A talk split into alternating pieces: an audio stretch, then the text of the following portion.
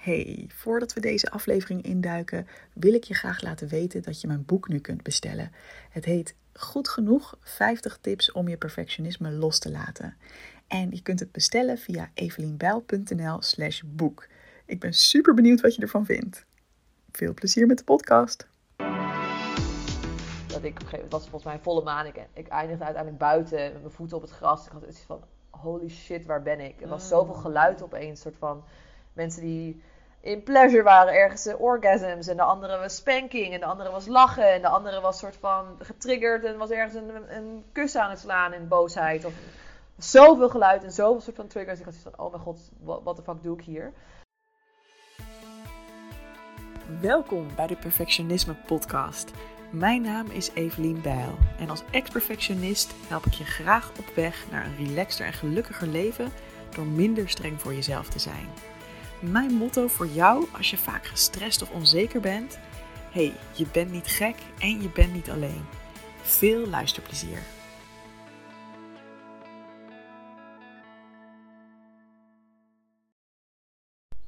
Hey, ik zit hier op een hele bijzondere plek. Namelijk in een prachtige villa op Bali. En ik heb net een ijsbad genomen voor de eerste keer in mijn leven. En dat komt allemaal door de fantastische gast die ik vandaag in de podcast heb. Dieke Terweel.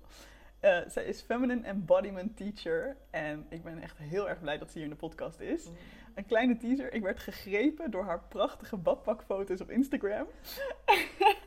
en ik bleef voor de diepere content over jezelf zijn en uiten als vrouw. Dieke, van harte welkom in de podcast. Mm, dankjewel. Wat een mooie introductie. ik ben echt heel blij dat ik hier mag zijn bij jou vandaag. Ja, ik vind het super leuk dat je er bent. Ik vind het ook heel erg leuk om, om jou hier uit te nodigen eigenlijk. Dat was een spontaan idee, maar we hebben nu, zijn we al, nou je bent hier al ik een half uur, 45 minuten hier. We hebben een ijsbad genomen en alles. En nou, helemaal in de focus om uh, deze mooie podcast op te nemen. Ja, heel leuk hoe dit spontaan ontstond. Want ik zag jou inderdaad uh, op Instagram voorbij komen. Ik volgde je al een klein tijdje. Um, en ineens had ik ook door dat jij hier woonde in Ubud waar ik toevallig ook nu op vakantie ben. En toen dacht ik, ja, dit is te mooi om, uh, om deze kans te laten gaan. En leuk dat je enthousiast was om ook in de podcast te komen.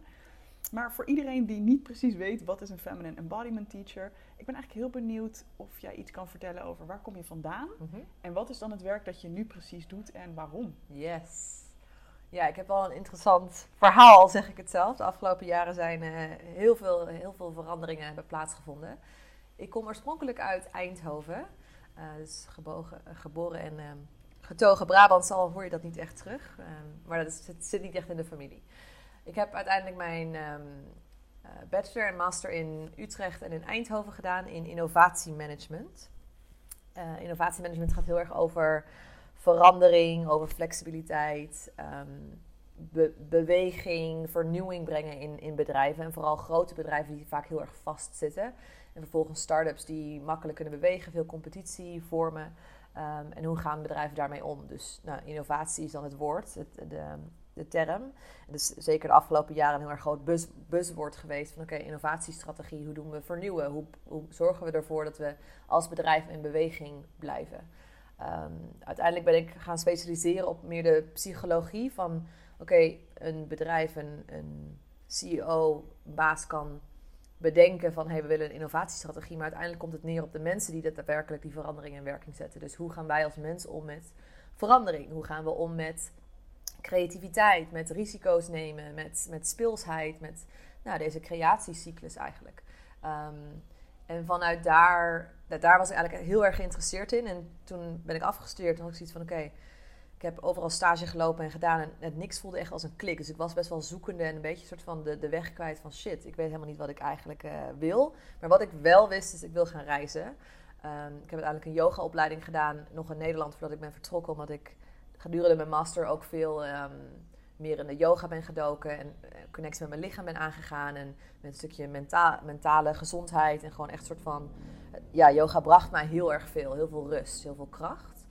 Um, dus ik had zoiets van, nou, ik ga reizen, ik heb de yogaopleiding, misschien kan ik hier en daar yogales geven en we zien wel hoe lang dat duurt. En eigenlijk ben ik nooit meer teruggekomen. dus toen, uh, ik ben naar Bali vertrokken, daar ben ik een maand geweest, rondgereisd. Toen ben ik uiteindelijk in, in Vietnam geweest, Thailand, Australië kwam ik uit, daar ben ik yogales gaan geven. toen had iedereen zoiets van, ben je nou opeens yoga-docent, terwijl je zes jaar lang hebt gestudeerd voor innovatieconsultant en, en strategiepersoon. En daar, daar kijk ik ook heel erg naar uit om die carrière aan te gaan.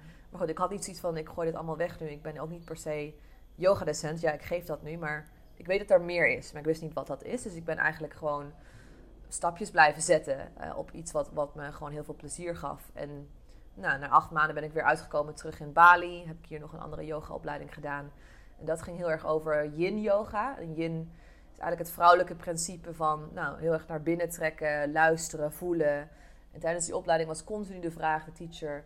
How much can you feel? How much can you feel? How much can you feel?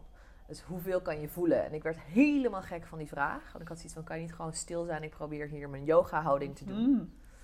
Maar na twee weken daarin gedoken te zijn, was er zoveel geswitcht. Was ik me zoveel bewuster van, van, van mijn lichaam, van zo, ja, meer gevoelig eigenlijk. En vanuit daar kwam ik ook uit in een soort van allerlei ervaringen en workshops hier naar een ecstatic dance, waar je gewoon blote voeten lekker wild rond kan dansen.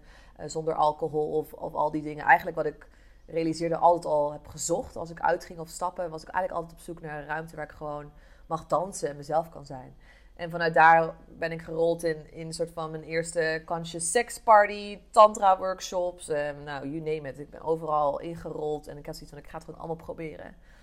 En toen na een aantal weken was er opeens zoveel geshift dat ik dacht van, holy shit, er is zoveel kennis en wijsheid en andere ervaringen, andere mensen die op een hele andere manier kijken naar, naar het leven, naar vrouw zijn, naar al deze onderwerpen, seksualiteit, uh, je, je menstruatiecyclus. Je van, dit gaat tegenovergesteld van wat ik geleerd heb. En ik vond mijn cyclus altijd verschrikkelijk. Ik zat aan de pil, want ik slikte dat ding zo vaak mogelijk door, omdat ik mijn ongesteldheid verschrikkelijk vond. En emoties, soort van nee, ik kan mezelf, ik mag niet zwak zijn, want ik moet professioneel zijn. Emoties zijn zwak. Nou, je, je noemt het op. En omtrent mijn seksualiteit had ik ook heel veel schaamte. Ik had een partner, daar was ik ondertussen wel. Ik was single terwijl ik aan het reizen was en dergelijke. Maar daarvoor had ik een partner van 4,5 jaar. En met hem heb ik, was ik orgasmes altijd aan het faken. Um, en pleasure aan het faken. En het was, iets klopt er niet. Nou, en na die weken hier eigenlijk was er zoveel geshift. En dacht ik van wow, volgens mij is er niks mis met mij. Maar is er gewoon heel veel kennis waarvan ik nooit iets mm. heb geleerd.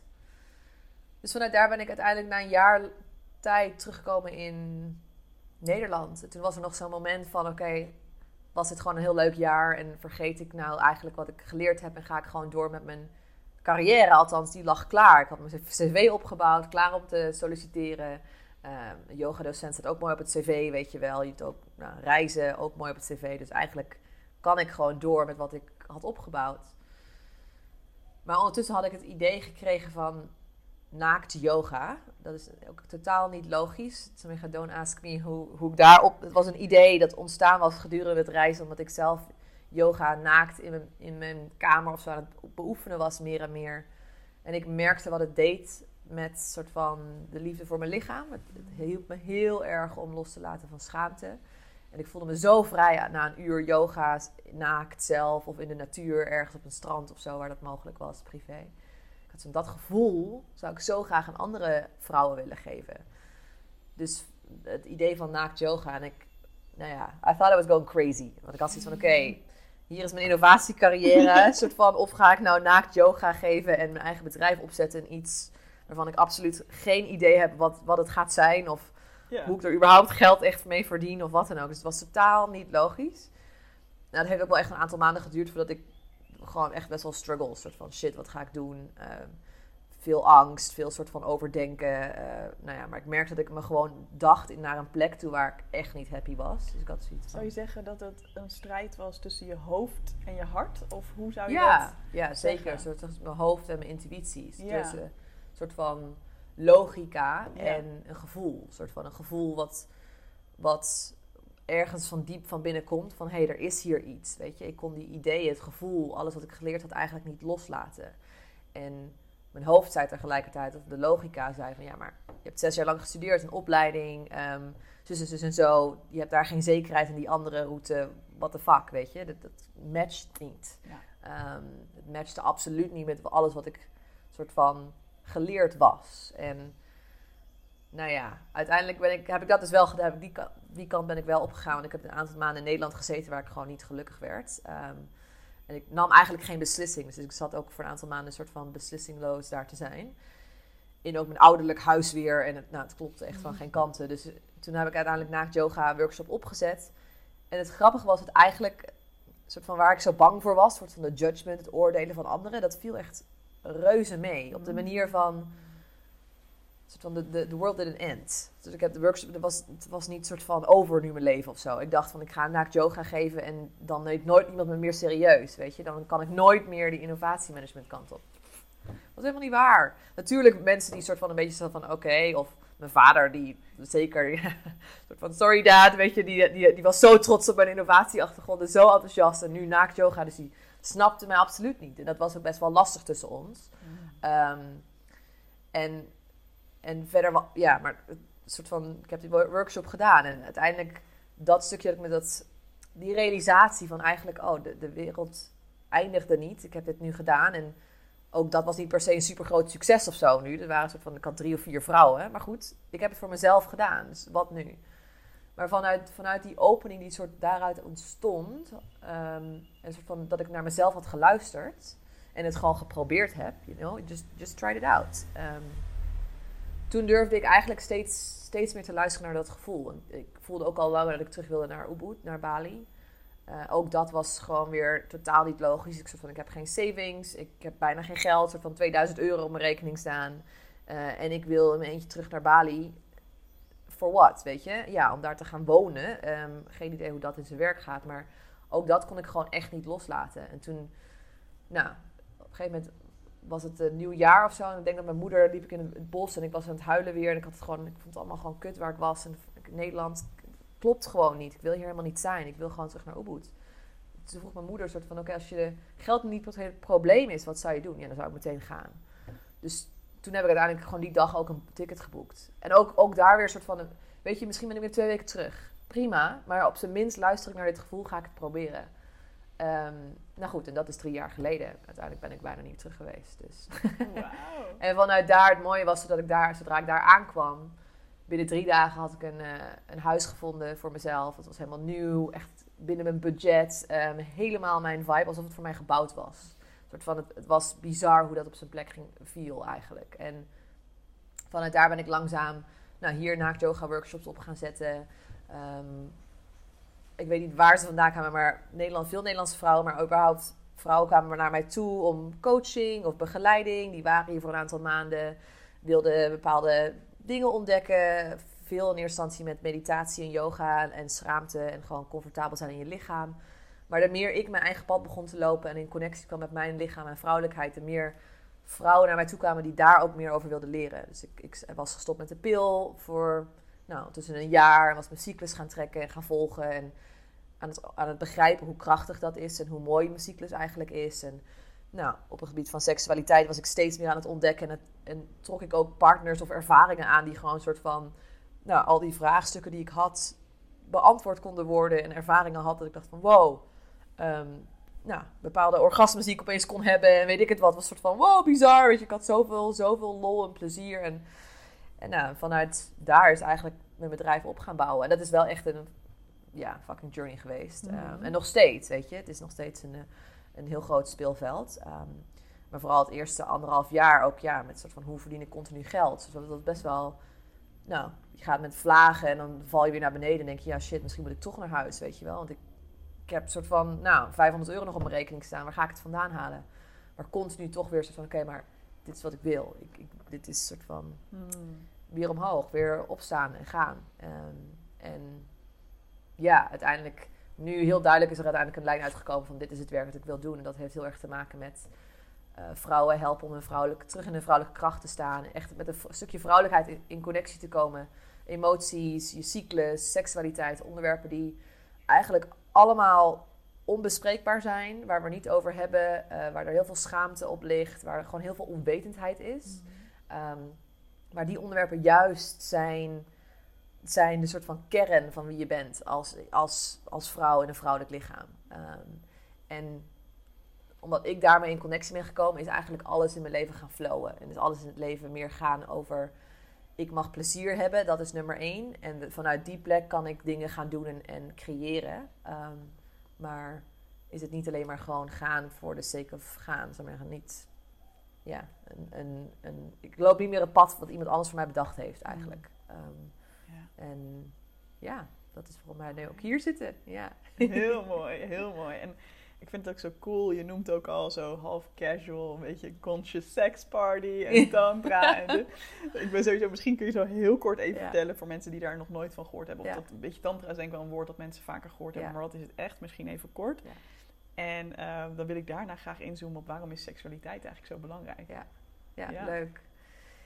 Ja, Conscious Sex Party. Dus ze hebben hier allemaal namen. In, in Ubud zijn er een soort van, hoe noem je dat? Play spaces. Een soort van, een groot speelveld. Kijk, het is ook met seksualiteit. Een soort van, wat krijgen we erover geleerd? Niks. Een soort van, nou, ga aan de pil of, gebruik condoom. En het is allemaal eng en spannend. En niemand vertelt überhaupt hoe je iets moet doen. Dus je hebt een partner en daar hoop je iets mee te leren. En, en dat is dan goed of fout of niet. Of het voelt goed of niet. Dus er is, er bijna niks dat we daarover geleerd krijgen. Het is bizar. Ehm, en wat hier in Ubud, en ook is overal in de wereld, maar daar weten we over het algemeen niet zo heel veel van. Maar worden er speelvelden gecreëerd waarin je daar nou, mee soort van over gaat leren. Dus een Mm. conscious sex party, hoe dat er vaak uitziet. Maar hey, iedereen doet het op zijn eigen manier. Maar Mhm. de e- eerste keer waar ik naartoe ga- ging, was eigenlijk een soort van drie uur durende workshop. Waarin je eh, allemaal kleine oefeningetjes doet. Eh, je moet elkaar, nou, kijkt elkaar aan. ehm, Doe je dit met een partner of kan je ook als single daarheen? ja, als Hoe, eh, single. als single, als- vooral singles denk ik. Maar ook met, sommigen zijn dan een koppel. Ja. Eh, maar eigenlijk, je komt gewoon met een groep mensen bij elkaar. En mannen en vrouwen worden een soort van, nou, één cirkel aan de buitenkant vrouwen, binnenkant mannen. Of andersom, of het wordt op allerlei manieren gedaan. Maar je doet oefeningetjes samen. Je leert communiceren. Wat zijn je desires? Wat zijn je verlangens? Maar ook wat zijn eventueel angsten die je hebt? Wat zijn grenzen die je hebt? Ehm, echt een soort van, ja, er waren een framework dat je geleerd krijgt over gewoon communicatie over deze onderwerpen. Ehm, wanneer ben je voor het laatst getest op eh, eh, STI's ehm, of SOA's? Of nou ja, heb je een andere partner? Is er iemand anders in het veld? Ben je aan het daten, ja of nee? Gewoon om überhaupt openheid te creëren, weet je?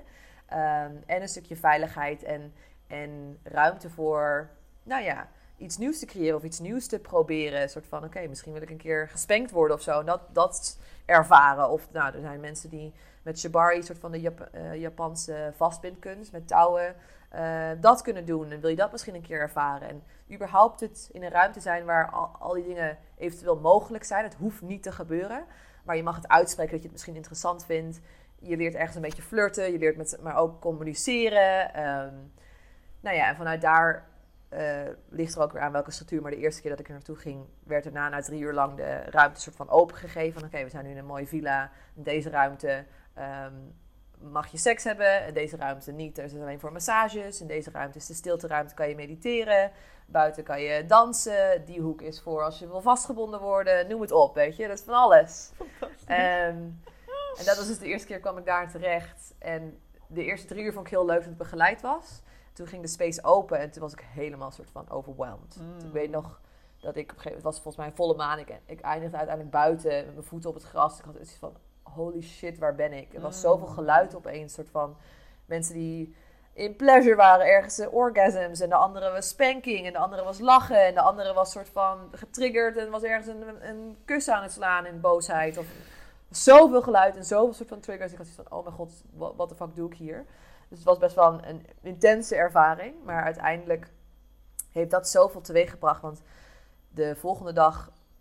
En ook hier, op deze parties zijn er over het algemeen geen alcohol, geen drugs, niks of dat. Dus het is echt ehm, vanuit meer... eh, ja, gewoon echt vanuit mens zijn com- connect je. En niet door eh, nou, allemaal andere Middelen. dingen in, in de plaats te zetten. Want dan wordt het ook vaak onveilig. Ja. Ehm, maar vanuit dat event was ik, had ik een super grote realisatie van... Wow, ik heb zo'n trigger op geluid zitten. Waarom is dat? En toen realiseerde ik me dat ik eigenlijk ook geen geluid maak. Pleasure sounds, soort van nee. Of pleasure sounds puur en alleen om iets te faken. Het is niet echt, weet je wel.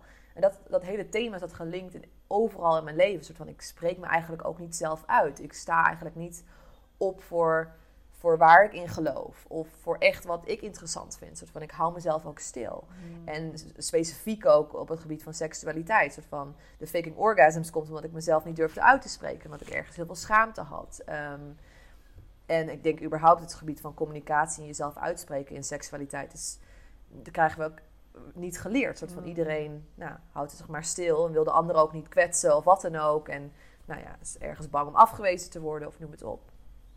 Dus het heeft me ja, zoveel eh, inzichten gegeven vanuit daar. ehm, ik heb ze uiteindelijk ook zelf hier een aantal events gegeven twee jaar geleden. En dat was ook heel krachtig en heel, eh, heel mooi eh, om die Mm. ruimtes te creëren. Ehm, en het gebied seksualiteit, wat je, want de vraag was soort van waarom specifieke seksualiteit zo Waarom is het heel belangrijk, hè? Want Ja. dat is misschien...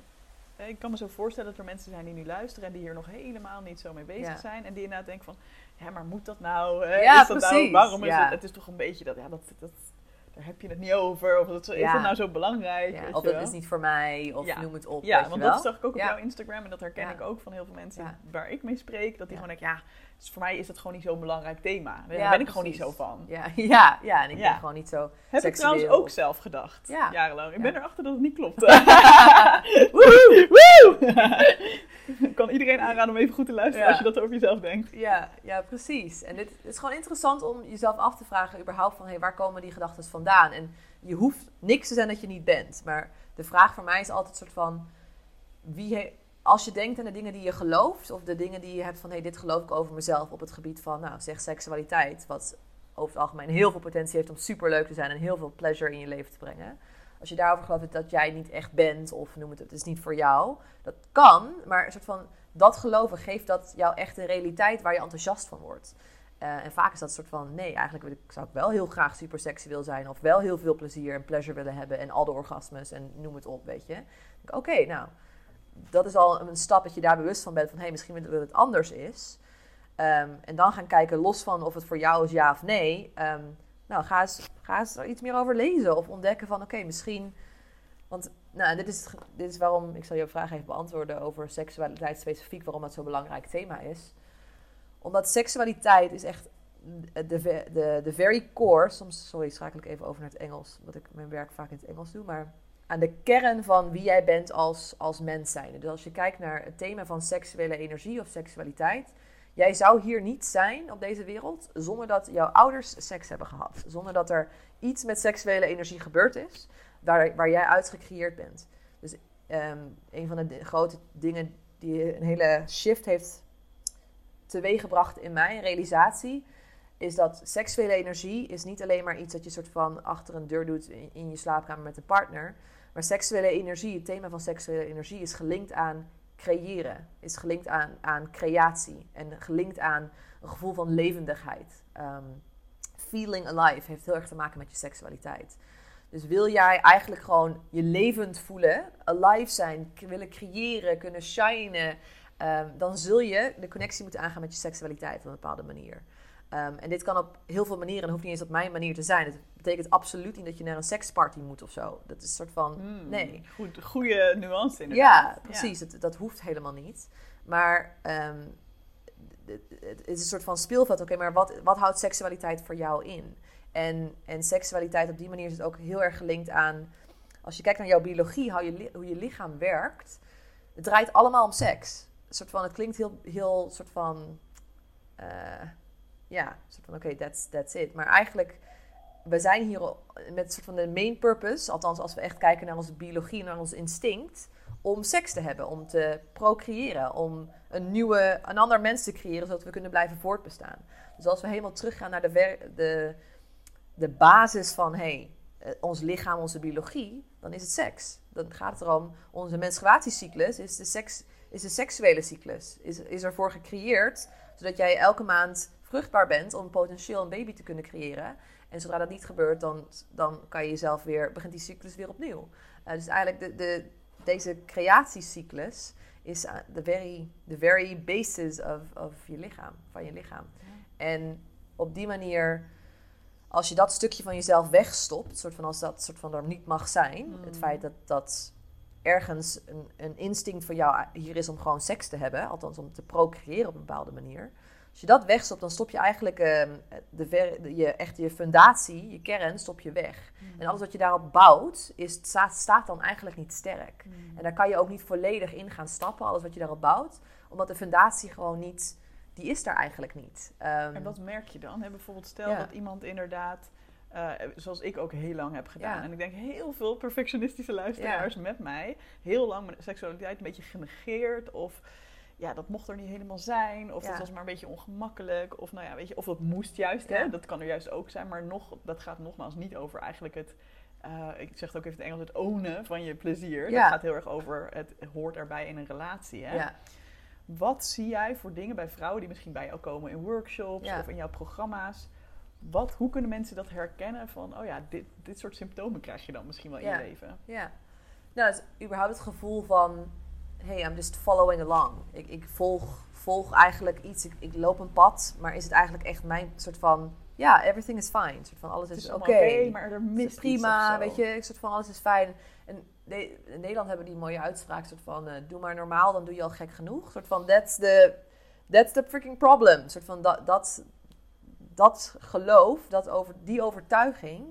ehm, zorgt ervoor dat je juist heel makkelijk meevolgt met anderen. Gewoon in het systeem blijft staan. Dus je Dus moet normaal zijn. ja, dat je gewoon, ben maar normaal, weet je wel. Een soort van, pas maar in het hokje. Ehm, dus hoe vaak ik dat merk in vrouwen, nou, die komen in burn-outs uit bijvoorbeeld, omdat ze eigenlijk gewoon weglopen van hunzelf. Ehm, in een soort van, nou, ergens alleen maar lopende, hoe zeg je dat, walking heads, lopende hoofden Ja, zijn. wandelende Eh, hoofden. ja, wandelende Ja. hoofden. Ehm, je merkt dat je gewoon veel in. Nou, depressie kan ook een andere kant ervan zijn. Of anxiety, angst, veel angst, veel stress. Heel veel stress. Het gevoel dat je Mm. continu niet goed genoeg bent. Ehm, alleen maar denken. Het soort van het, het never-ending to-do-list. En zeker ook met ondernemende vrouwen komt het vaak terug.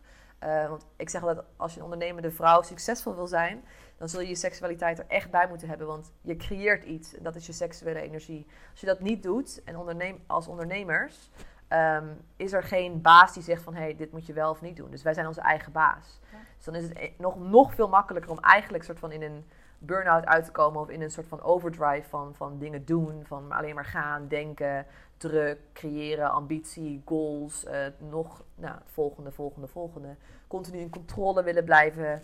ehm, eh, controle willen zijn, perfectionisme is er ook een soort van eigenlijk een resultaat van. Mhm. Eh, willen vasthouden aan dingen. Eh, Ja. Bang zijn voor verandering. Mm. ehm, Mm. eh, ja, en eigenlijk weglopen van jezelf, weglopen van een stukje gevoel, van een stukje zachtheid, van een stukje kwetsbaarheid. Ehm, en nou, dat uit zich ook in. ehm, nou, eigenlijk uit het zich in een soort van hele sterke, onafhankelijke vrouwen. Wat ook weer iets is wat we geleerd zijn: be a strong, independent woman. Zeker. Dat wil ik ook altijd zijn. Een soort Zeker. van ambitieus, Hier streng, ja. onafhankelijk. Of niet streng, maar strong, sterk. Eh, ehm, en daar is op zich niks mis mee. Maar een soort van, je kan een sterke, onafhankelijke vrouw zijn, maar een, ben dan een vrouw. En vaak zijn we Mm. sterke, onafhankelijke mannen. Soort van, we zijn meer man dan dat we vrouw zijn. En daarmee Ehm, bedoel je denk ik hè, absoluut niks over gender per se, maar juist over dat je dus dan bijvoorbeeld maar door moet gaan. Dat je jezelf over je grenzen heen moet pushen. Dat bedoel je denk ik hè, ja, als je dat ja, zegt. precies. Ja, ja en, en meer gewoon dan veel meer in die mannelijke energie stappen. In, maar er is niks mis met mannelijke energie. Een soort van die, die ambitie, die onafhankelijkheid, die purpose, soort van die kwaliteiten, die motivatie, die, die drive, die heb je nodig. Zeker als je eh, ook nou, ondernemer bent. Die skills zijn super belangrijk.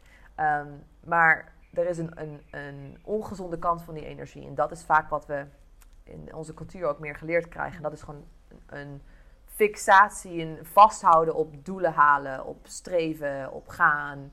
eh, niet willen rusten, gewoon blijven doorgaan. Constante pushen, energie pushen. moeten hebben van jezelf, Ja. terwijl dat heb je eigenlijk gewoon niet. Nee. En dat past ook Ja. helemaal niet bij de vrouwelijke cyclus. Nee, nee, precies. Ja. Super interessant en dit speelt ook heel mooi in op het volgende wat ik je graag wil vragen. En dat gaat over, je hebt ook op jouw eh, Instagram, super goede volgtip trouwens, is het eh Dieke? Ja. ja. Ga, ga die vrouw volgen, mensen. Echt, je wordt geëntertained, maar ook ontzettend goed eh, ja, geeducated. Oh my god, I feel like such an American right now. maar je hebt het daar ook, heb je één highlight die gaat over too much. Ja.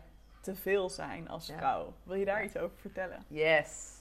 Ja, dat is een beetje mijn, mijn thema geworden.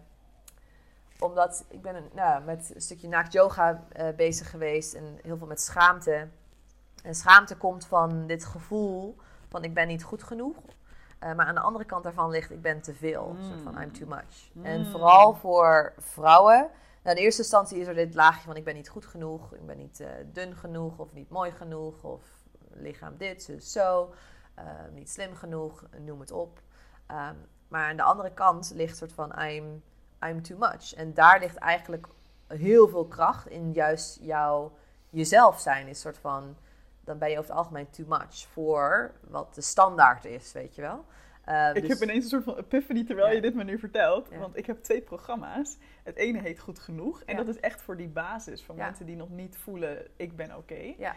Ehm, en ik voelde dat er iets anders was wat ik wilde creëren, wat over dat tweede gaat. En dat heet The Edge. En, dat gaat, en ik heb het nooit zo omschreven, maar letterlijk nu je dit zegt, ja, dat gaat heel erg over je verlangens ownen. En juist wel in die rol mogen stappen van, "Oh, wat zou mij nu plezier geven? En Ja. Dus inderdaad niet meer bang zijn voor too much zijn. Dus dankjewel voor dit inzicht. Nu snap ik waarom ik deze twee heb gekozen. Ja, en ergens kan je in eerste instantie die fundatie leggen om vrouwen op gewoon een soort van nou, neutraal niveau uit te komen. Van oké, ik weet dat ik in ieder geval niet een super grote failure ben in, het leven. Ja. Maar dan. Zelfacceptatie is eigenlijk Ja. de basis. Ja. En dan, maar, en dan? Maar dan is soort van oké, maar dan, dan vanuit daar kunnen we eigenlijk spelen. Soort van, vanuit daar wordt het echt leuk. Want dan heb, oké, dan heb je een level van zelfacceptatie van oké, ik weet dat ik mezelf kan zijn. Maar nu is het soort van oké, maar, maar wie ben je echt? Soort van, hoe wil je echt zijn? Ehm, waar, ligt, waar ligt jouw kracht? Waar wil je spelen? Waar wil je leren? Waar wil je het gewoon dit, deze rol een keer aannemen en dan een keer dat proberen? En hoeft het allemaal niet logisch te zijn? Hoeft het ook niet per se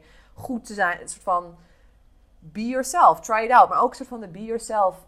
Ik vind dat altijd een beetje een, een, Hmm. interessante statement. Want soort van, what is be yourself? Soort van, Ja. Ik ben zoveel verschillende vormen van mezelf geweest over de afgelopen jaren. Ja. Zoveel verschillende versies. Ehm, en, Mag ik wat vragen? Ja. Wanneer had jij het gevoel in een van die versies die je van jezelf ging ontdekken? Hè? Wanneer, eh, kan je een paar voorbeelden geven wanneer je eigenlijk dat er een stemmetje kwam van is dit niet too much? Ben ik niet too much? Mm, nou, met de naakt yoga geven bijvoorbeeld. Van is het niet what the fuck, weet je wel. This is way over the top. Een soort van way too much. Ehm, maar ook, vraagstuk, ik heb überhaupt het vraagstuk van too much altijd omtrent mijn seksualiteit gehad. Want ik dacht altijd dat ik te seksueel was. Wat grappig was, dus ik had niet per se orgasmes met een partner. Maar ik had wel altijd een hele grote seksdrive. Ik vond seks altijd heel erg leuk. Soort van, ik kon het voor uren, een soort van let's play, weet je wel. Laat het gewoon gaan. Ik had altijd het idee dat ik een ho- te hoge seksdrive had. Mm. Too much was in mijn... Mhm. Of too flirterig. Soort van ik, toen ik jonger was ehm, en ik op een gegeven moment nou, voor het eerst gezoend had of zo. Toen ben ik echt op een streak gegaan of kissing. Soort van, ik, weet, ik weet niet hoeveel jongens ik ge- gezoend heb. Ik, wilde proberen, ik wilde oefenen. Ik wil soort van, soort van mijn, mijn, mijn flavor vinden. En ik vond het zo leuk. Maar uiteindelijk ben ik soort van ergens geshamed. Soort van te sletterig of too much, weet je wel. Too flirterig. Te, eh, dat, dus dat thema heeft altijd wel voor mij gespeeld. Eh, het is ook ergens een beetje gelinkt aan mijn sterrenbeeld. Soort van leeuw. Die gaat over het algemeen... Is soort van too much. Althans, die heeft dat, dat stereotype. Eh, maar dit gevoel, ik heb het gevoel altijd wel een beetje gehad. Dat too muchness. Maar ik denk zeker vijf jaar geleden... Uiteindelijk ben ik gaan reizen en, en steeds meer nou, naar mijn intuïtie durven luisteren. Dat ik ook steeds meer zoiets had van... Dat ik begon te zien, elke keer als ik echt van too much was op mijn manier... Dat ik dacht dat too much was. Dat, dat soort van het eigenlijk alleen maar een deur opende naar een, een nog een next level van, van een leuker leven. Hmm. Ehm, dus eigenlijk werd de too muchness misschien wel een soort van richtingaanwijzer. Van, Ja. oh, als ik me too much voel, als ik dit doe, dan Ja. moet dit dus juist gaan doen. Ja, precies. Soort van, oh, dan ligt daar iets van om te leren. Soort van daar iets om Dus te meteen, proberen. als je nu luistert, hè, want ik hou er altijd Ja. heel erg van lekker concreet te maken. Als je nu luistert, denk eens na over iets waarbij jij zelf denkt, dit zou too much zijn. Dit zou ik eigenlijk heel leuk vinden, maar het echt, dat kan echt niet. En ga het eens doen. Ga eens kijken Ja. wat er gebeurt als je dat doet, want waarschijnlijk ligt er juist een diep verlangen onder. ja, precies. Ja. En dan, de, eh, ik vind speelsheid is een van mijn kernwaarden ook. Een soort van, kijk, heel vaak vrouwen zijn, oké, maar ik weet niet of ik kan, kan, kan proberen of, of het too much is. Of soort van, ja, nee, maar heel erg na willen denken en het duurt lang voordat die Mhm. keuze gemaakt wordt. Maar wat ik zei, met mijn naakt yoga, ik ben het uiteindelijk gaan doen. In een soort van, the world didn't end. Een soort van, het was uiteindelijk, oh, het was niet per se een soort van mega succes. Maar het was ook niet een soort van, I ruined my life now, weet je. Het was gewoon, oh, ik heb het gedaan, geprobeerd. Oké, wat, wat nu? Wat kunnen we vanuit hier creëren? Dus ik ben speelsheid en, en gewoon experimenteren is een soort van... Ja, daar ben ik heel erg voorstander van, weet je. Je hoeft op die manier niet dit te zijn. Als je dit besluit, dan ben je nu dit. Soort Precies, vanaf nu ben jij de naakt Nee. yoga teacher die alleen nog maar Ja, dat in haar leven gaat. Nee, dodelijk vermoeiend, soort van. En, probeer wat. ja, probeer het uit. En, en ja, andere mensen om jou heen willen je misschien begrijpen. En beg- van, oké, in welke box stop ik er nu? Want ik weet niet meer helemaal wat ze is. Ja, ja, dat is niet jouw probleem. Een soort van, Oeh. dat is niet jouw probleem. Oeh. Ehm, En de mensen die, die echt soort van eh, echt om jou geven op de manier van echt resoneren met wie jij bent, los van welke rol of hoe je er op dit moment uitziet of, of welk, welk box je nu stapt, die zullen er altijd zijn, weet je wel. En die trek je ook opnieuw aan. Mensen die komen in en uit, gaan in en uit van je leven en die passen bij dit experiment en dan komen ze weer terug voor een ander experiment als je daar weer uitgestapt bent en een soort van, Ja, dat is prima. ja, het is helemaal oké, weet je. Ja. Kun je me iets vertellen over je soms too much voelen als het over emoties gaat? Mm, ja, dat is een hele gro- grote ook. Emoties is voor mij, denk ik, ander, afgelopen, afgelopen anderhalf jaar. Eigenlijk zit ik met mijn eh, huidige partner ehm, samen ben gekomen destijds. eh, is dat het thema van emoties een steeds grotere rol gaan spelen en steeds meer over geleerd ook. Want ik begon met mijn cyclus en mijn seksualiteit en emoties waren nog steeds een beetje een soort van. Nou, weet je, ik, ik ja, hield ik veel op afstand. Mm. Ehm, Hoe deed je dat? Hoe zag dat eruit? nou, bijvoorbeeld specifiek met eh, mannen die ik aan het daten was, of die soort van een lover waren. En daar was altijd een soort van. I'm gonna be cool. Soort van, ik, cool ga niet girl. die, ik ga niet die vrouw zijn die nu van alles wil of nodig heeft. Of soort van. ehm, soort van ik heb jou eigenlijk niet nodig. Of Waarom denk je dat je dat deed? Oh, echt uit zelfbescherming ergens. Ja, omdat ik gewoon doodsbang was om afgewezen te worden of om, Mm. om too much te zijn. Mm. Too much, too needy. Oh, Ja. dat is Oh. een soort van een heel groot thema. Heel herkenbaar. Ja. dat is echt... ehm, ik heb over de afgelopen anderhalf jaar heel erg mijn neediness gereclaimed eigenlijk. Eh, een soort van, I'm freaking needy. Ja, weet Ja. je. Ik heb bepaalde dingen nodig en een soort van, I'm a freaking woman. I can be anything, any, anytime. I can change my mind, it's okay. And I freaking want you. Ja. En überhaupt eh, dat soort van, dat stukje terugwinnen van... ehm, eh, en zeker ook in connectie met mannen en in, een relatie van... Ik wil een relatie. Ik wil een soort van eh, iemand die mij, mij owned en claimt en soort van zegt, you are my woman. En dat klinkt, ook als ik het nu nog zeg, denk oh mijn god, ik heb het, woord owned genoemd net. soort van, ik, I want to be owned. Eh, dat wil niet zeggen dat ik niet soort van op mijn eigen benen kan staan, maar er is iets primals dat gewoon super, super turn-on is. Super soort van vrouw doet voelen als een man gewoon zegt van, hey, you're mine. Eh, you're my woman, I chose you, ik heb jou uitgekozen. Eh, nou, dan gaat mijn soort van vrouwelijke hart, wordt helemaal giggly, weet je wel. Oeh, oké. Ehm, en tegelijkertijd, ja, soort van, ook daar, weet je, als je dat kiest in dit moment, wil niet zeggen dat je dat altijd bent. Er is ook weer een andere kant die je ook mag zijn. Maar ik denk dat wij ergens veel weglopen van dat hele, dat, dat vrouwelijke stuk. Dat stukje emoties, ook in connectie met mannen. Een stukje soort van, hey, ehm, ja, er zijn bepaalde dingen hoe wij ook als in onze biologie anders werken dan mannen. Dus een soort van, de meer ik ben gaan begrijpen hoe mijn hersenen werken, hoe mijn hormonen werken, hoe mijn systeem werkt, hoe meer ik ac- acceptatie heb kunnen vinden en hoe meer ik soort van dat gewoon mag zijn en dat niet hoeft te, ja, not shaming it, niet weg te drukken. Ik hoef er ook niet altijd op te, iets mee te doen, soort van, maar het mag er in eerste instantie gewoon zijn. Ja, dus ik Eh. zie jou bijvoorbeeld op jouw Instagram ook uiten als jij heel boos bent. Ja. Dan zie ik jou niet eh, dat wegstoppen, Ja. maar jij gaat echt op een kussen slaan. Ja. Totdat je misschien wel helemaal bezweet Ja, ja. neervalt. Ja. En eh, huilen kan ik me voorstellen, hetzelfde verhaal. Ja, dus de afgelopen zeker anderhalf jaar met emoties, soort van, ik zag emoties altijd als iets heel zwak, soort Ja. van als een afleiding, als, als ja, iets gewoon onhandig, weet je. Ik heb er geen tijd voor. Ehm, dus ik ben dat heel erg gaan wegstoppen, ook zeker omdat ik nou, gedurende mijn opleiding veel, veel met mannen werkte en er was altijd die grap soort van, oh, als iemand een vrouw emotioneel is, dan zal ze wel ongesteld zijn of zo, weet je wel. Oh, my ik goodness. haat dat ja, ja. Maar nu heb ik zoiets van, weet je, als ik emotioneel ben en ik ben in, mijn cyclus, dan is het soort van, yes, I'm a freaking chaotic storm right now. And, and that's it, soort van, en dat mag, weet je, dit is helemaal oké. Maar wat ik ben gaan zien is dat mijn emoties ook echt mijn kracht zijn. Mm. En eigenlijk, emoties zijn ook weer gelinkt aan seksualiteit, aan je cyclus. Het heeft Mm. allemaal weer met hetzelfde te maken. Want emoties ontstaan uit het, uit het principe, uit het spanningsveld dat je leeft op het moment, maar dat je ook dood kan gaan. Een soort van de, de yin en de yang, de leven en dood. Een soort van dat principe creëert dit zo van, creëert angst. Angst om dood te gaan. Angst om een stukje van jezelf los te laten, om verandering. Angst voor verandering. Of het creëert boosheid of frustratie of wil jezelf verdedigen. Want je wil in leven blijven ergens. Vanuit helemaal de primal instinct. Soort van vanuit toen we ook nog echt in de nou, holbewoners waren eigenlijk. Ja, oertijd. Eh, ook vanuit dat spanningsveld komt een soort van passie en, en excitement en joy en plezier. Omdat je van, I'm alive, weet je. Ik, I'm, I'm fully feeling, feeling alive. Als jij niet weet dat je ooit dood zou gaan, dan, dan, dan kan je die vrolijkheid die je life dus eigenlijk niet voelen. Want dat is dan een, dat zou geen, geen spanning zijn. Soort van, dat zou geen, die excitement zou er eigenlijk niet zijn, want het is gewoon een, given dan. Dus vanuit dat spanningsveld, daar komen emoties vandaan.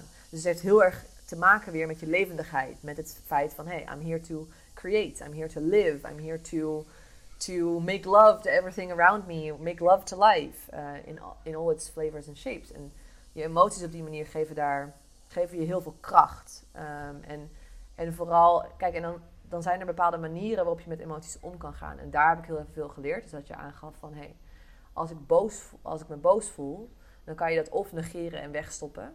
Maar stiekem kost dat heel veel energie. Mm. Um, en dan stop je het, eigenlijk zet je het vast ergens in je lichaam.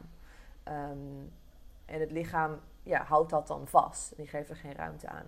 Of het komt eruit en het um, komt eruit op iemand anders als een projectie, mm. als een soort van, bleh, ja. van uh, nou ja, agressie op iemand anders.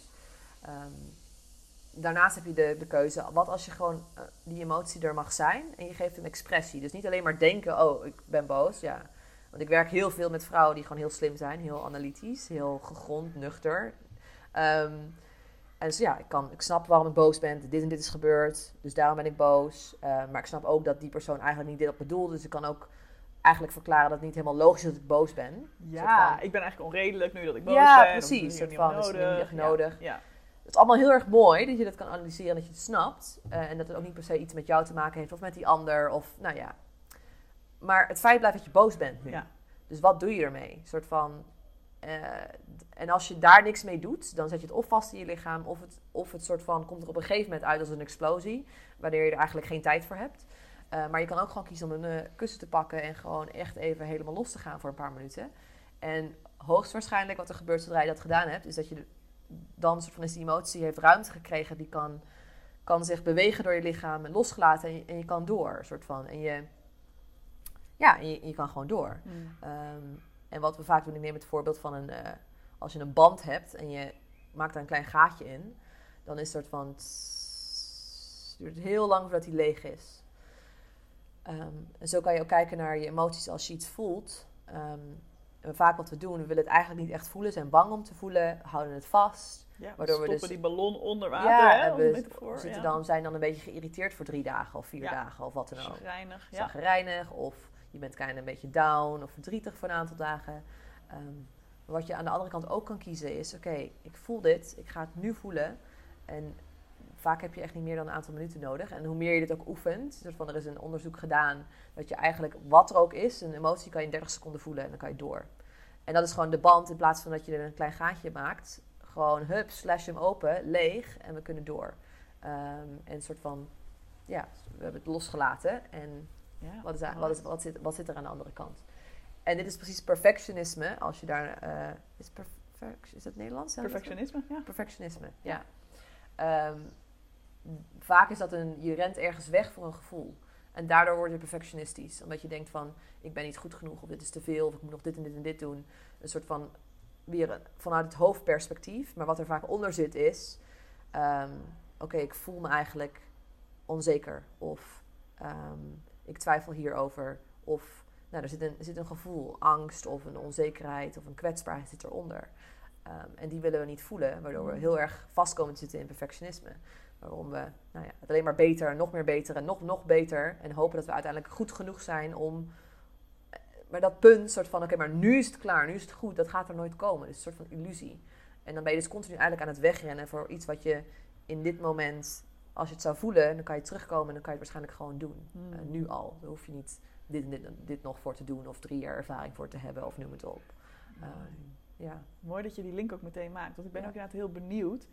Uh, heb jij op een punt in jouw leven last gehad van perfectionisme? Hmm. Ja, ik heb überhaupt noemde ik me altijd zelf perfectionist. Toen ik zeker aan het studeren was, was het altijd een soort van... Ik ging voor hoge cijfers, alles moet perfect zijn. Ik vond het verschrikkelijk om met anderen studenten samen te werken. Want ik moest altijd alles doen, soort van dan. Omdat ik had van nee, maar ze doen het niet goed genoeg. Dus, en ik wil wel die acht of die negen halen, weet je wel. Dit is Dus- zo herkenbaar. Echt, alsjeblieft, als je dit herkent. Ik zit hier heel hard te lachen, maar als je dit herkent, stuur ons even een DM'tje. En zeg, dat was ik ook, of dat ben ik ook. De- ik was altijd zo van, oh, moet ik weer met een groepje falers zijn? Ja, ja, verschrikkelijk. Soort van verschrikkelijk. Had ik het niet in controle en er was altijd zoveel meer werk. En ik had bijna zoiets van, weet je wat, jullie doen allemaal niks, ik doe het wel. En dan krijgen jullie ook je cijfer. Of, nou ja, dus ik, op die manier perfectionisme was een groot thema. Ja. En ik had heel veel druk van, ik wil niet falen, ik wil het allemaal goed doen, perfect doen. Nou, het heeft me zeker geholpen om mijn, hele mooie, mijn studie af te ronden met hele mooie cijfers. Eh, maar daar ook weer eens de vraag van, oké, wat heb ik daar nu aan? Helemaal niks. Soort van, de skills, ik ben heel erg blij met mijn opleiding, daar niet van. Maar Ja. soort van het feit dat ik cum laude ben afgestudeerd. Ik heb precies hetzelfde. Ja. Ja. Maar ik dacht echt dat dat heel belangrijk Ja, was hoor. ja. Ik, ben, ik heb er echt mijn best voor gedaan. Ja, ik ook, ja.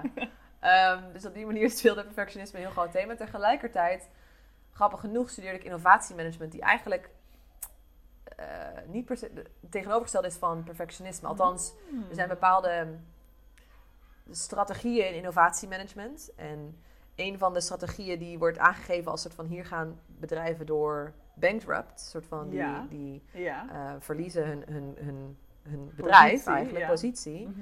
is door perfectionisme. Is door dat bijvoorbeeld voor twee jaar lang hebben ze research en development gedaan. Om het perfecte nieuwe product te creëren. Om te zorgen dat het eh, in alle puntjes helemaal kloppend is. En hebben ze allemaal geld in gestopt. Allemaal tijd, allemaal werknemers, weet ik het wat. En dan kwamen bedrijven erachter. Dus oké, nu is het klaar. Nu soort van kan ik het op de nu kan ik het verkopen. En dan was het crickets, was er niemand. Een soort van stil. En dus konden ze een investering niet terug verdienen. En deze, deze fout is veel gemaakt in heel veel grote bedrijven. En die zijn daardoor hun positie verloren. En hebben andere bedrijven de markt overgenomen. Dus dit was een van de grootste soort van innovatie-mistakes die we heel veel geanalyseerd hebben. En die heel vaak te zien is. En dat heeft te maken met per- perfectionisme. En tegenovergesteld is de, de Lean Innovation strategie. kwam in, in plek, soort van als een nieuwe strategie. Waarin het heel erg gaat over die creatiecyclus. soort van, oké, we hebben een idee. ehm, wat heb ik daarvoor nodig om dat idee te creëren? Oké, deze mensen, deze, deze middelen, ik haal ze snel bij elkaar. Ik creëer de eerste va- variant, de eerste pilot ervan. Ehm, ik stop het, laat het meteen testen.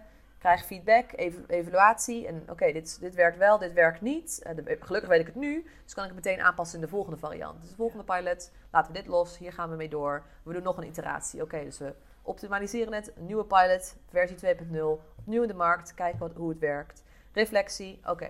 Dus deze, deze cyclus, en die eigenlijk gaat het erom die zo snel mogelijk door te lopen.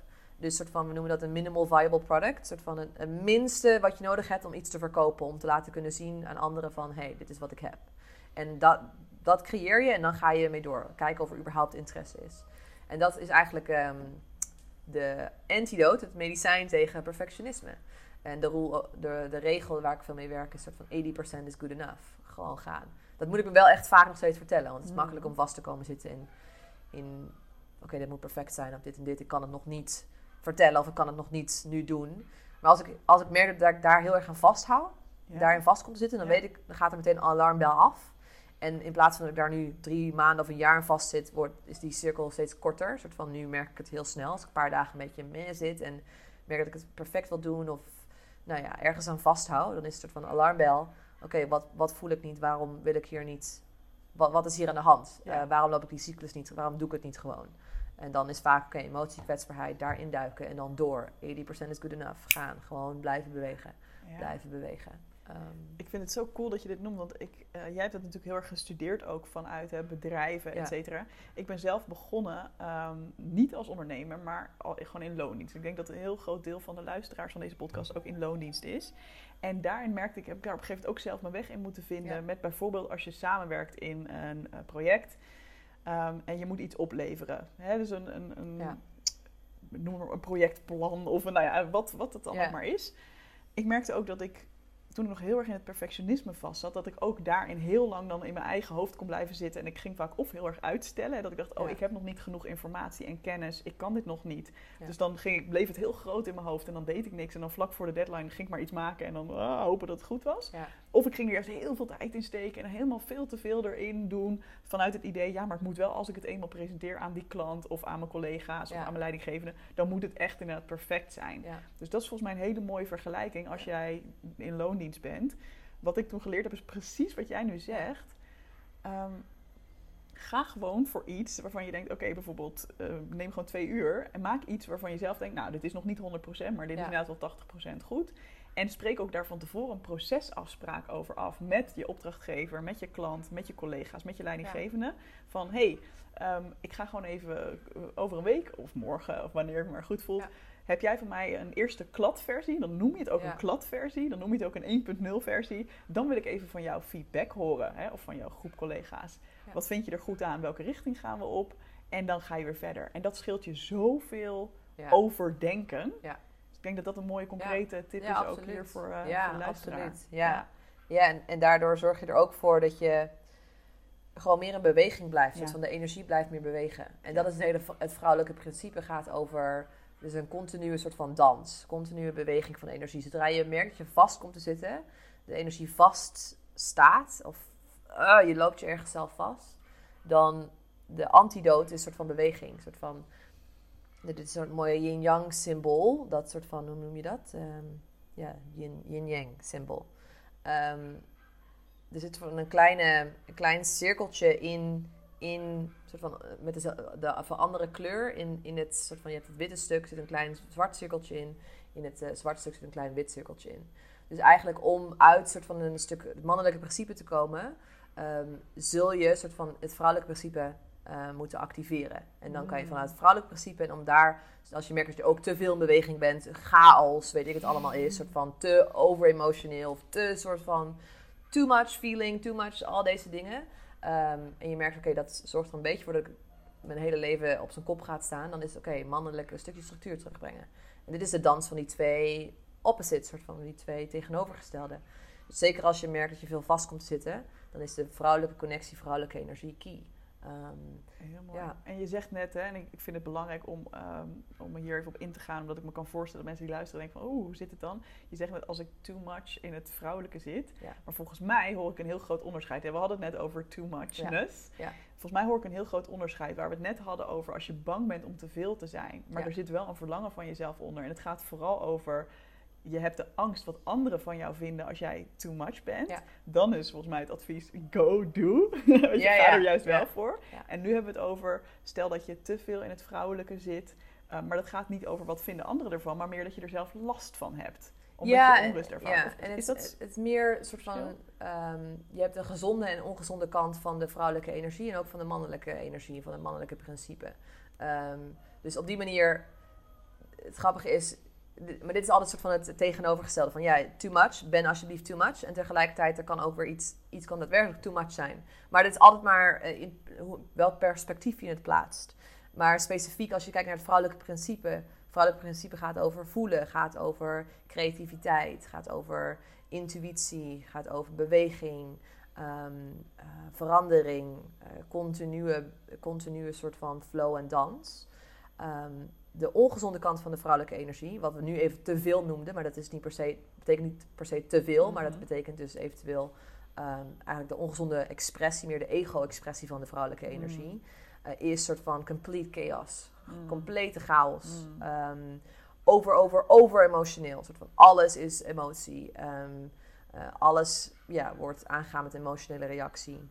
Eh, manipulatie is een vrouwelijke eh, ongezonde karakteristiek. Een soort van, een beetje een soort van onder gossiping. Een soort van onder het onderhuid. Een soort van het gevoel, een beetje dat icky gevoel. Soort van proberen te manipuleren. Een soort van te creëren.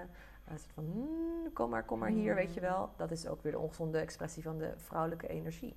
Tegelijkertijd is er altijd een soort van balans, want er ligt ook weer een kracht in being the seductress. Ja. En het is ook een vrouwelijke kracht, een soort van seducing, laat ik het naar jou la- laten toekomen. Maar de, de hoofdvraag, het verschil is soort van, waar komt, waar, vanuit welke plek te- neem je de acties? Een soort vanuit welke plek doe je dit? Vanuit een, een angst, vanuit een onzekerheid, vanuit een, ik wil iets van controle hebben, vanuit het ego, vanuit het hoofd of vanuit echt het lichaam? Mm. ja. Want ik kan me zo voorstellen, en dat is waarom ik erop doorvraag. Eh, ik weet nog dat ik toen ik zo in mijn perfectionisme zat, heel erg gespitst was op wanneer doe ik het goed. Ja. Dus als je dit hoort, dat je dan denkt, oh, oh, ik, mag, ik mag dus wat meer in mijn vrouwelijke kant. Oh, ik mag er. Oh, maar ik moet wel uitkijken dat het niet te veel is. Heb je een tip voor mensen die. En want dat is echt hoe het Ja, gaat ja. in die hoofden. Heb je een tip voor als je het nu luistert en denkt: oh shit, ja, maar dan weet ik het niet meer. Dan weet ik het niet meer. Want wanneer moet ik het dan wel en wanneer doe ik het dan niet goed? Nee, wat ik, wat ik zou aanraden voor nu, en omdat ik gewoon überhaupt heel veel vrouwen en wat zeggen onze basis is, we leven in een cultuur, we groeien op met gewoon heel veel de mannelijke energie. Whether dat soort van gezond of niet gezond, ehm hoef je even niet over na te denken. Ja, ga er vooral niet eh, jezelf over mindfucken nu. Dus zo van, ah, ik begrijp het niet. Zo van, uiteindelijk gaat het daar helemaal niet om. Maar oké, we, doen, we doen heel veel. We hebben heel veel structuur. We continu doelen bereiken. Dat is soort van eh, wat ge- gewaardeerd wordt. Ehm, dus de, de, de tip hier is, connect meer met je vrouwelijkheid. Gewoon meer met je lichaam. Begin daar eens mee. Ehm, Wees maar niet zo bang nee, precies. dat jij doorschiet in het vrouwelijke. Nee, echt voordat je Nee, daar bent. voordat je daaruit komt. Ja. Ja. Ehm, Als jij je herkent als perfectionist, is ik Ja. al heel groot Ja. dat je niet te veel last hebt van je vrouwelijke energie. ja, precies. Wees maar niet bang. Ja, precies. Ehm, en nou, dat is de manier waarop ik lesgeef. En daarom heet het feminine embodiment. Ehm, omdat uiteindelijk eh, de connectie met je vrouwelijke energie aangaan... gebeurt ook niet door te snappen, door je hoofd te begrijpen. Het gaat heel erg door het te voelen, het te ervaren. De beweging met je lichaam. Dus de manier waarop ik vooral lesgeef is... ja, ik leg concepten uit. En ik kan makkelijk met jou hier uren praten over al deze dingen... als seksualiteit en, en je cyclus en emoties... Maar uiteindelijk, again, dan kan je het begrijpen. En dan denk je, oh oké, top, ik begrijp het nu. Ja, Ja. interessant.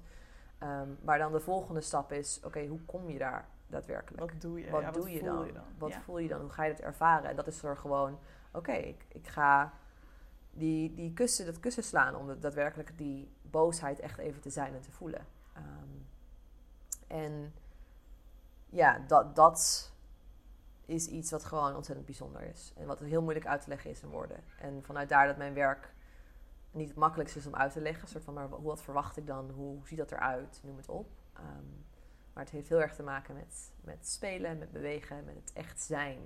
Ehm, en, en dit vind ik altijd het leuke van het, echt kunnen zijn. Het is soort van, ben maar even die acteur. Ben het maar echt even. Eh, hetzelfde voor perfectionisme. Soms de grootste antidote tot perfectionisme is, dat doe ik wel eens, zet ik vijf minuten een timer. En dan ga ik vijf minuten, ben ik absoluut de perfectionist. Ga ik alles opschrijven wat nog moet gebeuren. Een soort van, nee, ik kan dit nog niet doen op deze, deze manieren. Ik ga rondlopen alsof ik soort van, nou, niet weet wat ik met mezelf aan moet. Zoveel energie, zoveel dingen moeten gebeuren. En dan na vijf minuten zeg ik, oké, nu is het genoeg. En nu ga ik even in meditatie zitten en kom ik in de stilte en rust uit naar mijn gevoel. What is, what's really going on? Ja. Waar ren ik voor weg? Ehm, Oeh, mooi. Ja. Goeie tip. Love it. ja. Hey, tot slot zou ik nog heel graag in een heel juicy onderwerp willen Mm. duiken. Wat denk ik iedereen ook erg leuk vindt. En dat is de liefde. Want, je noemde het al eventjes. Anderhalf jaar geleden heb jij een partner gekregen. Ja. Modestus. Ja. En eh, ja, je gaat nu al stralen als ik alleen al het onderwerp noem. Het is echt fantastisch om te zien. En dat is ook heel mooi om op, ook op je Instagram jullie samen te zien. En net jullie in het echt samen te zien. Wil je iets vertellen over hoe jullie elkaar ontmoet hebben en ja, over hoe jullie relatie Yes. tot stand is gekomen? En ook, ik ben ook heel benieuwd naar, ehm, ik zag iets over soulmates op jouw Instagram. En wil je daar iets over, wat is een soulmate? Yes. Hoe zit dat? Ik begin helemaal te huilen bijna, een soort van. Ik ben Oh. helemaal emotioneel van. Wat mooi. Ja. Wat, wat maakt je emotioneel hier? Mm.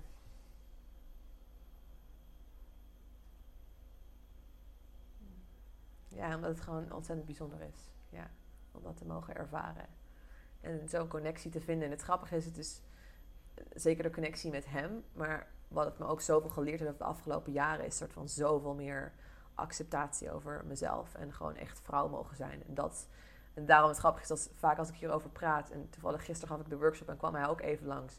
En ik switch dan meteen uit soort van spaceholder, mannelijk soort van communiceren, word ik helemaal soort van smelt ik gewoon, soort van word ik, gewoon vrouw, soort van woe, soort van woe, soort van dat gevoel. Mm, en ook iets wat ik echt heb mogen accepteren van mezelf, want ik had iets van dat is niet professioneel, weet je wel, of soort van doe nou even normaal. Ehm, en het grappige is als ik het woord soulmate ook gebruik, wat ik absoluut ehm, met hem soort van ja, he is my soulmate. Maar ook echt een woord dat ik dacht van dat dat zou. Had ik nooit verwacht dat ik dat zo zou noemen, zo zou claimen. Maar dat is ook voor mij weer iets van: it's too much. Dat is ook iets afgelopen anderhalf jaar. Maar ik wil dit woord claimen eh, voor mezelf en voor ons. Maar hoe heb ik hem ontmoet? Ja, dat is wel een grappig verhaal. Uiteindelijk zijn we voorgesteld door een eh, gezamenlijke vriend die we hadden. En die was eigenlijk al maanden aan het zeggen van... hé, hey, jullie moeten elkaar ontmoeten. Ehm, volgens mij hebben jullie gewoon heel veel in common. En ja, jullie moeten elkaar ontmoeten. Dat gebeurde telkens niet echt. Ook omdat ik de allereerste keer dat ik hem ehm, heb ontmoet... althans, hij herinnert dat helemaal niet. Maar ik weet dat ik met hem eh, even gesproken heb. Althans, iets vroeg. Want ik, dat was in, in de tijd dat ik ehm, de, de Conscious Play Parties, de seksparties, organiseerde. En ik denk twee weken daarvoor was hij, was ik op een event, was ik aan het supporten. Iemand anders die uh, die workshop of dat event organiseerde. En hij was er ook met, met iemand anders.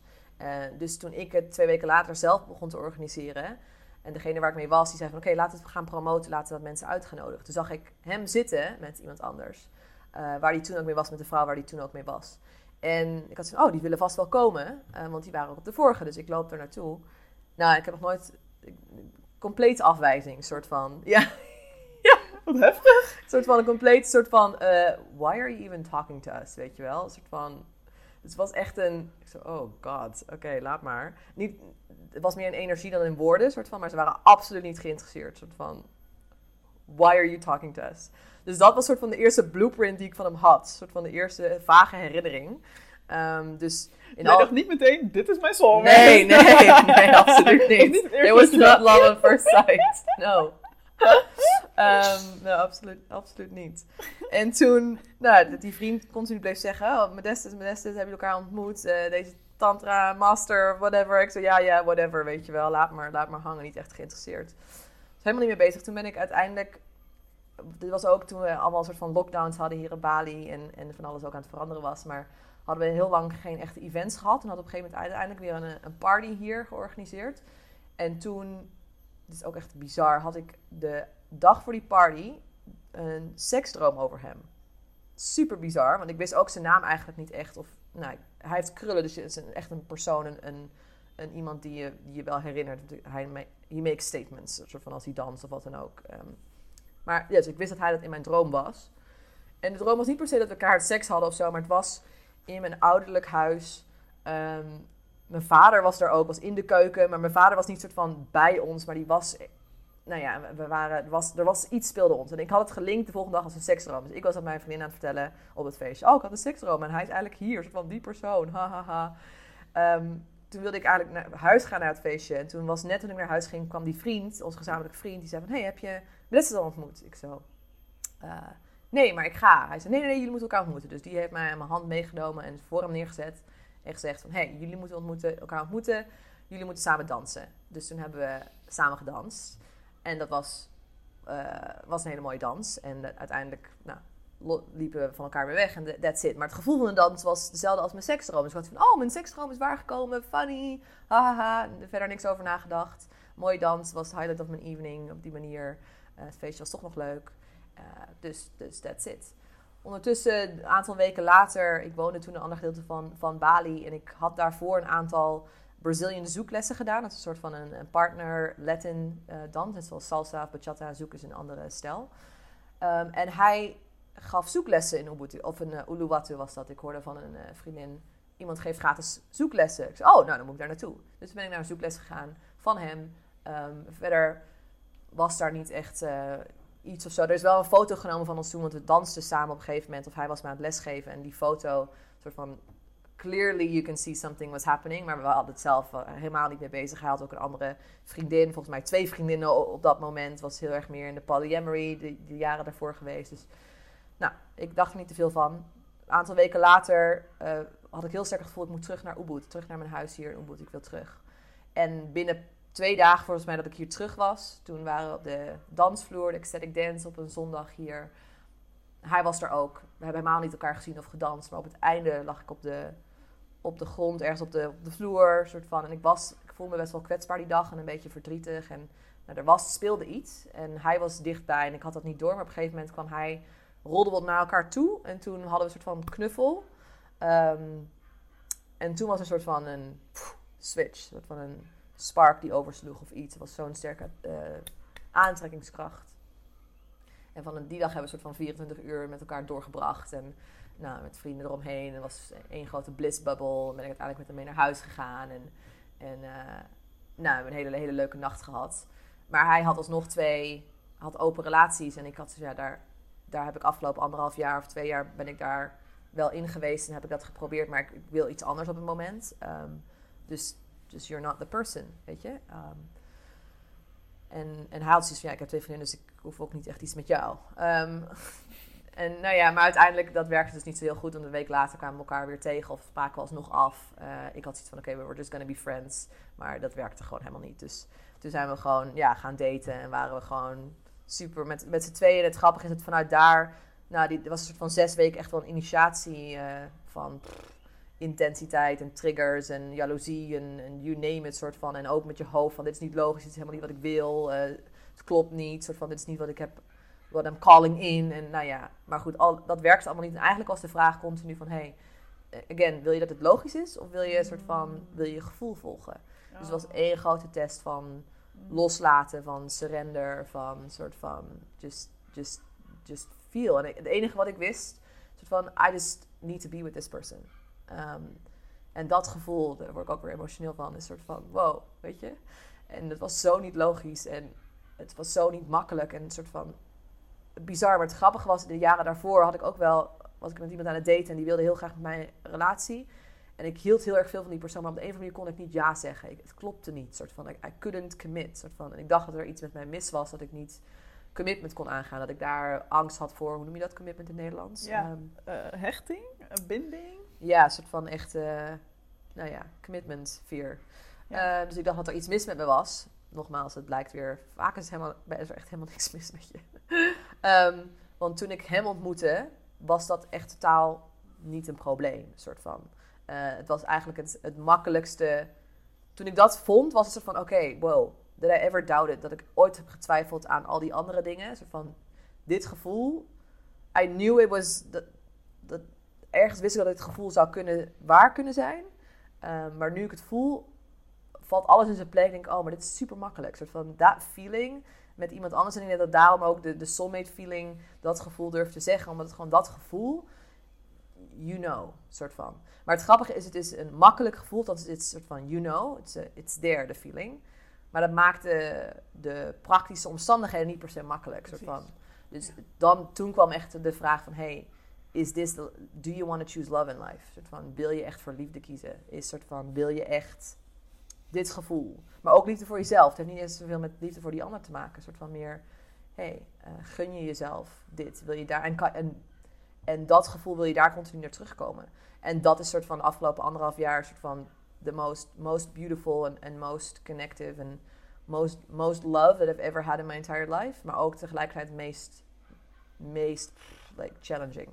Um, en het is een continue commitment to love. Voor mijzelf, maar ook voor hem, voor de relatie. Een commitment van, hey, kies ik mijn ego, kies ik mijn gevoel, kies ik een soort van wat is echt belangrijk? Mm. En hij spiegelt me daarin alles in. Een soort van mm. tegenovergesteld zijn met elkaar. En we raken elkaar, nou, passen precies goed op elkaar. Um, en gelukkig hebben we hele mooie trainingen mogen doen die ons heel veel tools hebben gegeven om, om om te gaan met dingen die omhoog komen tussen ons. Maar uiteindelijk, de, ker de kern van alles is gewoon een soort van, but there's love. En niet eens love voor, die, voor de ander, maar echt love. There is love en commitment to love. Um, dat heeft me heel veel geleerd om met mijn hart meer in connectie te staan. Uh, daarvoor was ik veel meer bezig met seksualiteit, met soort van pleasure. Uh, maar toen is, hierdoor is echt mijn hart online gekomen. Soort van, oké, okay, but love is the way. Um, en ik kies liefde voor mezelf, liefde voor alle anderen om me heen.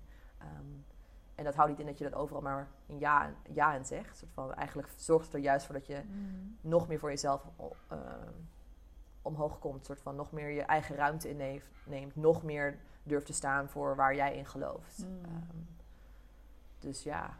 Wauw. Ik zit hier dus ook met tranen in mijn ogen. Je raakt me ontzettend. Ja. Komt ook door mijn eigen situatie, uiteraard. Het is wel altijd iets soort dan gespiegeld wordt.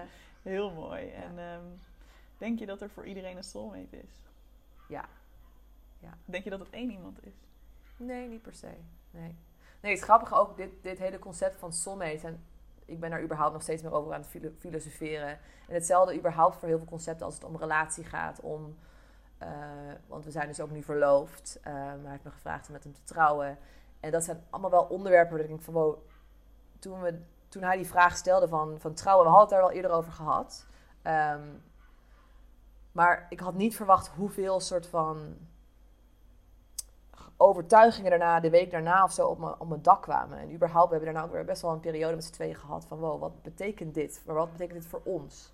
Dus dat is iets waar we continu mee bezig zijn. Een soort van, Wat voor overtuigingen kwamen er bijvoorbeeld naar boven? ehm, nou ja, heel veel mensen begonnen te vragen, oh, wanneer is de bruiloft? Ehm, oh, nu, moeten we nu dit doen? Of, of hoe gaan, wanneer gaan jullie trouwen? Heb je erover nagedacht? Eh, je woont in verschillende, komen van verschillende culturen, landen af. Mm. Heel veel praktische vragen en niet per se slecht bedoeld. Allemaal hele mooie vragen. Maar er waren zoveel dingen die opeens mensen begonnen te vragen of te zeggen. Of nou, andere mensen van, oeh, je verloofd nu, weet je wel. Oeh, dat is wel heel serieus. En nou, van alles. Dat je echt dacht van, Mm. oh mijn god. eh, volgens mij is er niet zo heel veel veranderd. Want we zijn nog steeds gewoon met z'n tweeën. Ja, ja. Ja. Ja, eh, maar het was best wel... Het is een heel construct als het aankomt op trouwen, op verloven, op gewoon heel veel dingen die daarover geleerd zijn, waarvan ik me niet echt bewust was, zodat we nu een soort van ermee bezig zijn. Maar het geeft ons ook weer heel erg de kans om ons eigen ding ervan te creëren. En dat is een van de regels waarop onze relatie echt gebouwd is. Een soort van, the people in the relationship are more important than the relationship itself. Dus wij als individuen en onszelf zijn ergens belangrijker dan de, de relatie die we, die we creëren. Dus de box die de relatie heeft. En die box die kan veranderen, andere vormen aannemen. Ehm, dus we hebben nu een seksueel monogame relatie. Ehm, ja, maar we zijn er ook heel erg mee bezig geweest. Soort van, hey, wat willen we daarin? Eh, en nu voelt dit voor ons heel erg goed.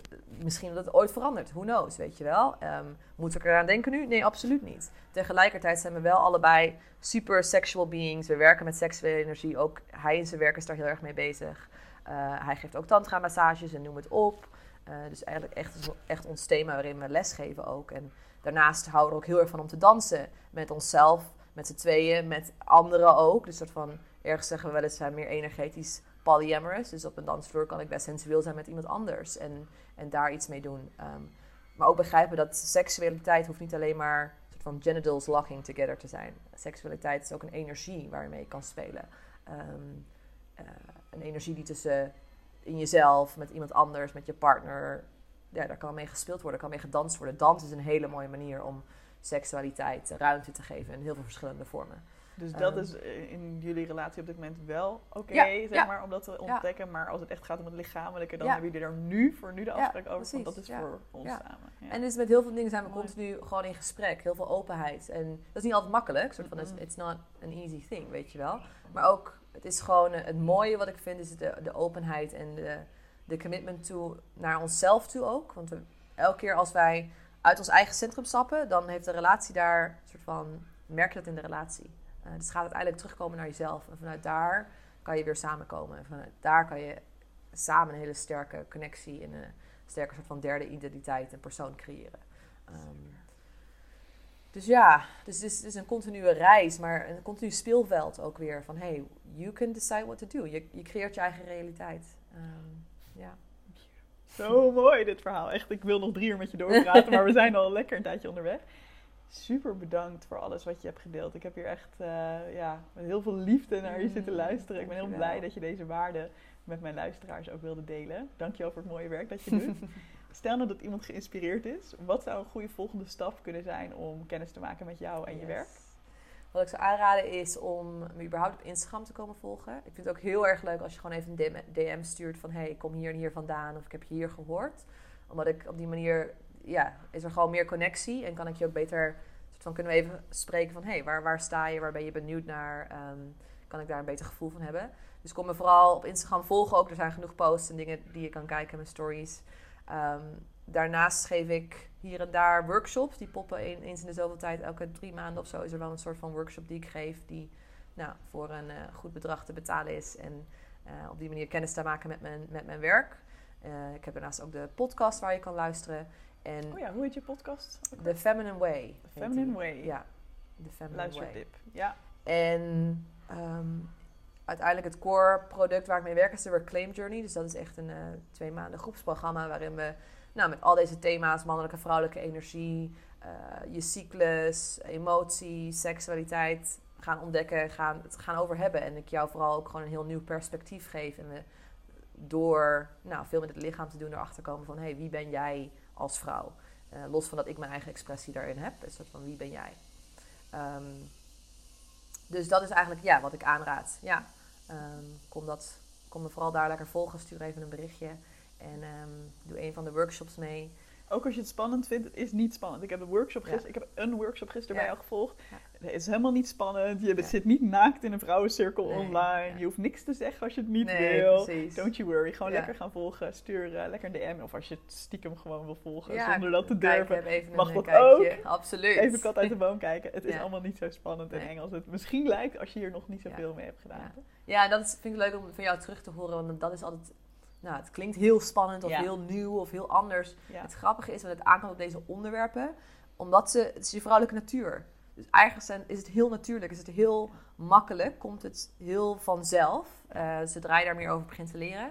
Ehm, en is het iets wat, wat eigenlijk jouw lichaam al weet. Dus je weet het eigenlijk al. Klopt, maar jij doet het ook op een fijne manier, want jij houdt het ook, la- ook laagdrempelig voor mensen. Dus Ja. eh, je voelt je als workshopdeelnemer totaal niet gepusht om iets te doen waar je geen zin in hebt of Ja. waar je niet klaar voor bent. Je hoeft helemaal niks. Je mag, Nee. als je gewoon alleen maar wil luisteren, is het ook helemaal goed. Ja, Dus eh, super. Hey, onwijs bedankt. Mm, En, graag eh, gedaan. Ik kan niet wachten te zien waar jou en ook Modesta's reis nog verder in gaat. yes. Dank je, dank je, dank je.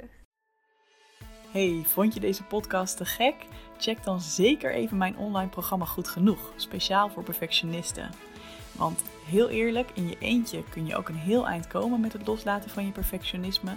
Maar als je meedoet aan dit programma, heb je alle tools in handen om veel sneller deze ontwikkeling door te maken. Ga naar doelgerichtecoaching.nl slash goed genoeg en wie weet zie ik je binnenkort.